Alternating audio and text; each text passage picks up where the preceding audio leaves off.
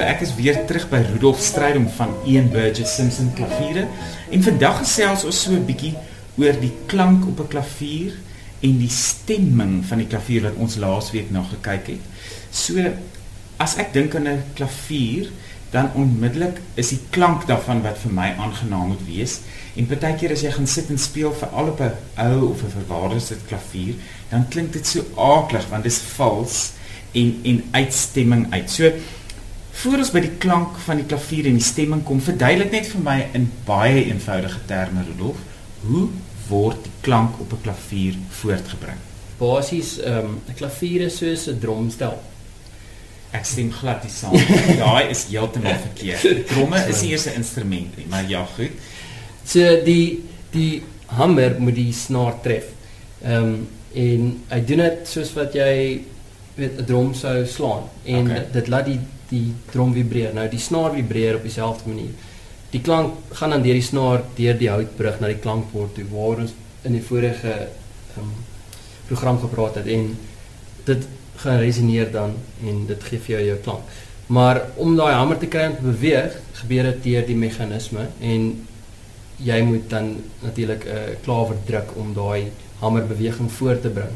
So dis maar soos amper soos 'n hefboom. Jy druk die klawer hierdie kant, die hamer gaan op aan die ander kant, tref die snaar en die klank beweeg deur die snaar na die brug, deur die klankbord en deur die lug na jou ore toe. Ek verstaan. So daar's dis soos 'n baie ingewikkelde verskeidenheid van liewertjies wat wat in aksie gestel word. So Dit raak baie kompleks, maar natuurlik is hierdie die eenvoudige weergawe daarvan. Heeltemal reg. So As 'n mens 'n klavier stem, nê, nee, daar arriveer iemand by jou huis na 20 minute of 2 ure of hoe lank ook al vertrek die persoon en verklaar die klavier nou gestem.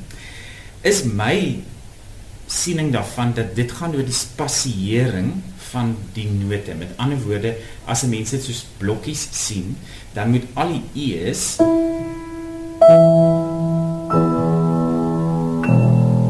min of meer ewe ver van mekaar wees en en en en die e in vergelyking tot die b of tot die a. En ek weet dat klavier stemmers sê dis 'n illusie. Die feit dat dit presies ewe ver van mekaar af is is 'n illusie, maar kan 'n mens dit as 'n basiese antwoord vat dat dit is wat die stemmer doen? Ja, ja, dit is basies. So wat wat dit is is soos 'n soos 'n legkaart wat jy probeer bou.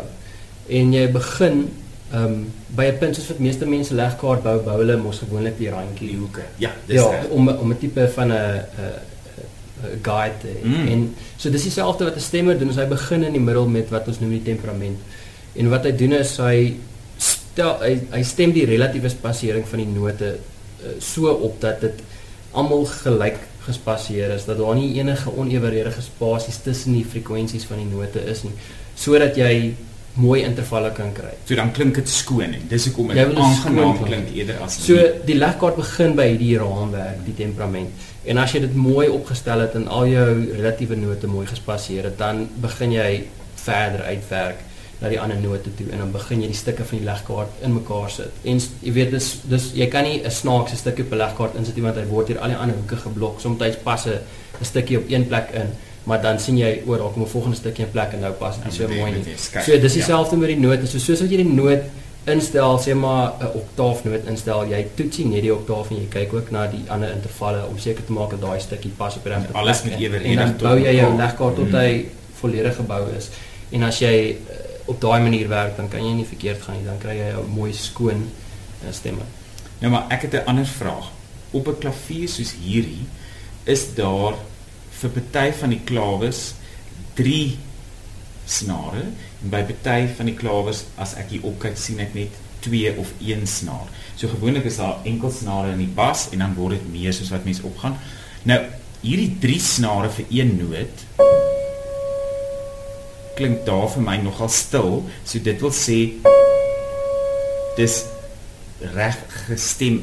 Die drie snare is almal presies op dieselfde toonhoogte, want anders maak dit daai wow wow wow wow ja. klank.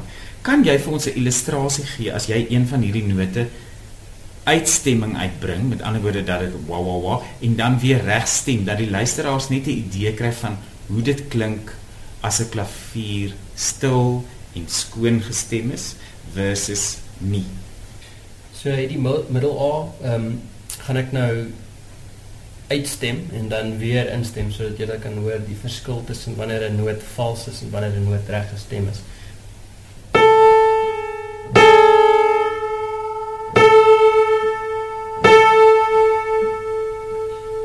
So daai klank is tipies van 'n noot wat vals is.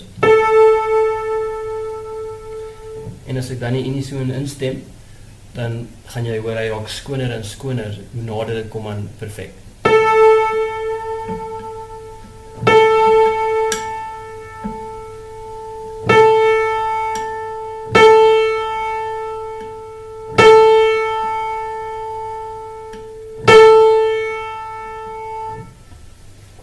Dankie Rudolf, dit uh klink goed en is baie interessant.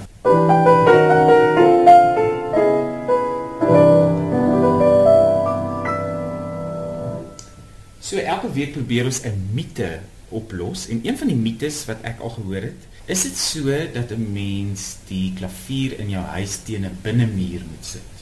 Daar is waarheid in daai mite, so. Ehm um, die binnemuur van jou huis is tipies koeler maar ook minder geneig om te fluktueer in, in terme van temperatuur. So wat jy wil hê is jou klavier naby aan 'n muur wat wat nie om vreeslik warm gaan laat raak of koud laat raak in die verskillende seisoene nie. En uh, dis hoekom tipiese binnemuur of 'n kamer wat nie in 'n trek staan of eh, 'n uh, kamer wat nie noodwendig direkte son kry nie, is sal die beste idee wees om 'n klavier So so ek neem aan daai teorie geld net in 'n binnemuur as jy nie 'n verwarmer of 'n oond of 'n geyser of 'n kaggel aan die ander kant van die muur het wat warm en koud deur die muur laat kom nie want dit dit gaan dan hierdie hele idee eintlik verwoes nie waar nie. Ja, of of 'n badkamer wat 'n 'n lekkende pyp het of so iets. Want natuurlik wil jy ook nie die klavier blootstel aan enigiets skadelik nie. Baie dankie Rudolf. Thank you